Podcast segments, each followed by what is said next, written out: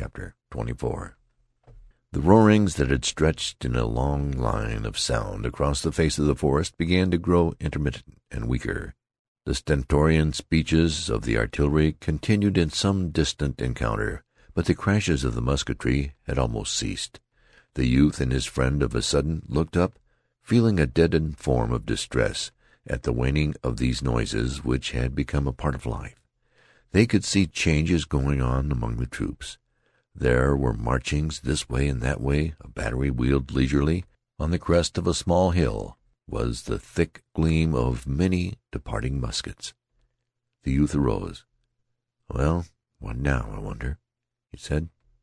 By his tone he seemed to be preparing to resent some new monstrosity in the way of dins and smashes. He shaded his eyes with his grimy hand and gazed over the field. His friend also arose and stared. "I bet we're goin' to get along out of this an' back over the river," he said. "Well, I swum," said the youth. They waited, watching. Within a little while the regiment received orders to retrace its way. The men got up, grunting from the grass, regretting the soft repose. They jerked their stiffened legs and stretched their arms over their heads. One man swore as he rubbed his eyes. They all groaned. "Oh, Lord!" They had as many objections to this change as they would have had to a proposal for a new battle. They tramped slowly back over the field across which they had run in a mad scamper. The regiment marched until it had joined its fellows. The reform brigade, in column, aimed through a wood at the road.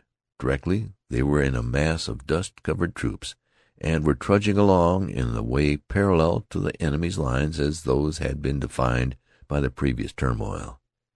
They passed within view of a stolid white house, and saw in front of it groups of their comrades lying in wait behind a neat breastwork. A row of guns were booming at a distant enemy. Shells thrown in reply were raising clouds of dust and splinters. Horsemen dashed along the line of entrenchments. At this point of its march the division curved away from the field and went winding off in the direction of the river. When the significance of this movement had impressed itself upon the youth he turned his head and looked over his shoulder toward the trampled and debris-strewed ground. He breathed a breath of new satisfaction. He finally nudged his friend. "Well, it's all over," he said to him. His friend gazed backward. "By God, it is," he assented. They mused. For a time the youth was obliged to reflect in a puzzled and uncertain way. His mind was undergoing a subtle change. It took moments for it to cast off its battlefield ways and resume its accustomed course of thought. Gradually his brain emerged from the clogged clouds, and at last he was enabled to more closely comprehend himself and circumstance.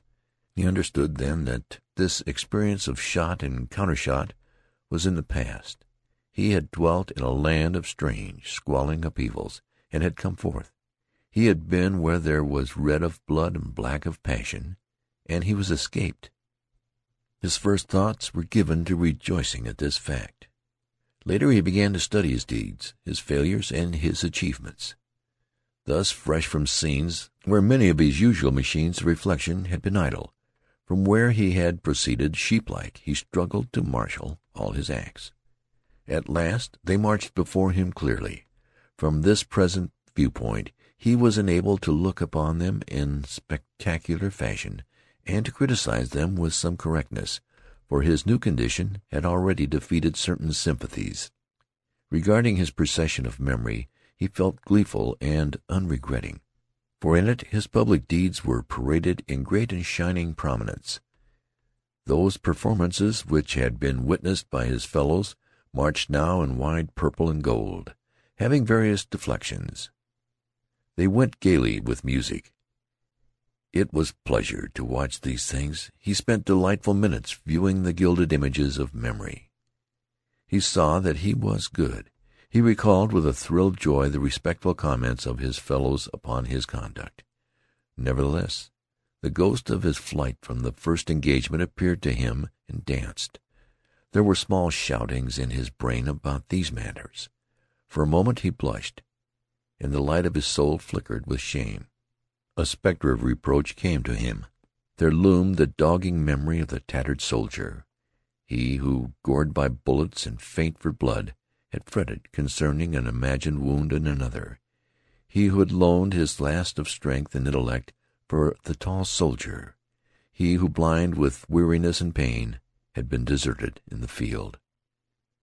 For an instant a wretched chill of sweat was upon him at the thought that he might be detected in the thing. As he stood persistently before his vision, he gave vent to a cry of sharp irritation and agony. His friend turned. "What's the matter, Henry?" he demanded. The youth's reply was an outburst of crimson oaths. As he marched along the little branch-hung roadway among these prattling companions, this vision of cruelty brooded over him. It clung near him always and darkened his view of these deeds in purple and gold. Whichever way his thoughts turned, they were followed by the somber phantom of the desertion in the fields. He looked stealthily at his companions, feeling sure that they must discern in his face evidences of this pursuit. But they were plodding in ragged array, discussing with quick tongues the accomplishments of the late battle. "Oh, if a man should come up and ask me, I'd say we got a dum good lickin'. Lickin' your eye. We ain't licked, sonny. We're goin' down here a ways, swingin' around, and come in behind 'em." "Oh, hush with your comin' in behind 'em. I seen all of that I wanna. Don't tell me about comin' in behind." "Bill Smithers, it says he'd rather been in ten hundred battles than been in that hell of a hospital. He says they got shootin' in the night time and shells dropped plumb among 'em in the hospital. He says such hollerin' he never see." "Hasbrouck? He's the best officer in this here regiment. He's a whale." "Didn't I tell you we'd come around in behind 'em? Didn't I tell you so? We "Oh, shut your mouth." For a time this pursuing recollection of the tattered man took all elation from the youth's veins. He saw his vivid error, and he was afraid that it would stand before him all his life. He took no share in the chatter of his comrades, nor did he look at them or know them, save when he felt sudden suspicion that they were seeing his thoughts and scrutinizing each detail of the scene with the tattered soldier. Yet gradually he mustered force to put the sin at a distance, and at last his eyes seemed to open to some new ways. He found that he could look back upon the brass and bombast of his earlier gospels and see them truly. He was gleeful when he discovered that he now despised them. With this conviction came a store of assurance. He felt a quiet manhood, not assertive, but of sturdy and strong blood. He knew that he would no more quail before his guides wherever they should point. He had been to touch the great death, and found that, after all, it was but the great death. He was a man. So it came to pass that as he trudged from the place of blood and wrath his soul changed. He came from hot plowshares to prospects of clover tranquillity, and it was as if hot plowshares were not. Scars faded as flowers. It rained.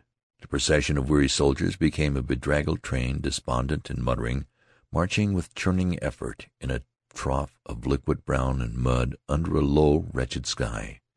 Yet the youth smiled, for he saw that the world was a world for him, though many discovered it to be made of oaths and walking sticks. He had rid himself of the red sickness of battle. The sultry nightmare was in the past. He had been an animal, blistered and sweating in the heat and pain of war. He turned now with a lover's thirst to images of tranquil skies, fresh meadows, cool brooks, an existence of soft and eternal peace. Over the river a golden ray of sun came through the hosts of leaden rain clouds. The end.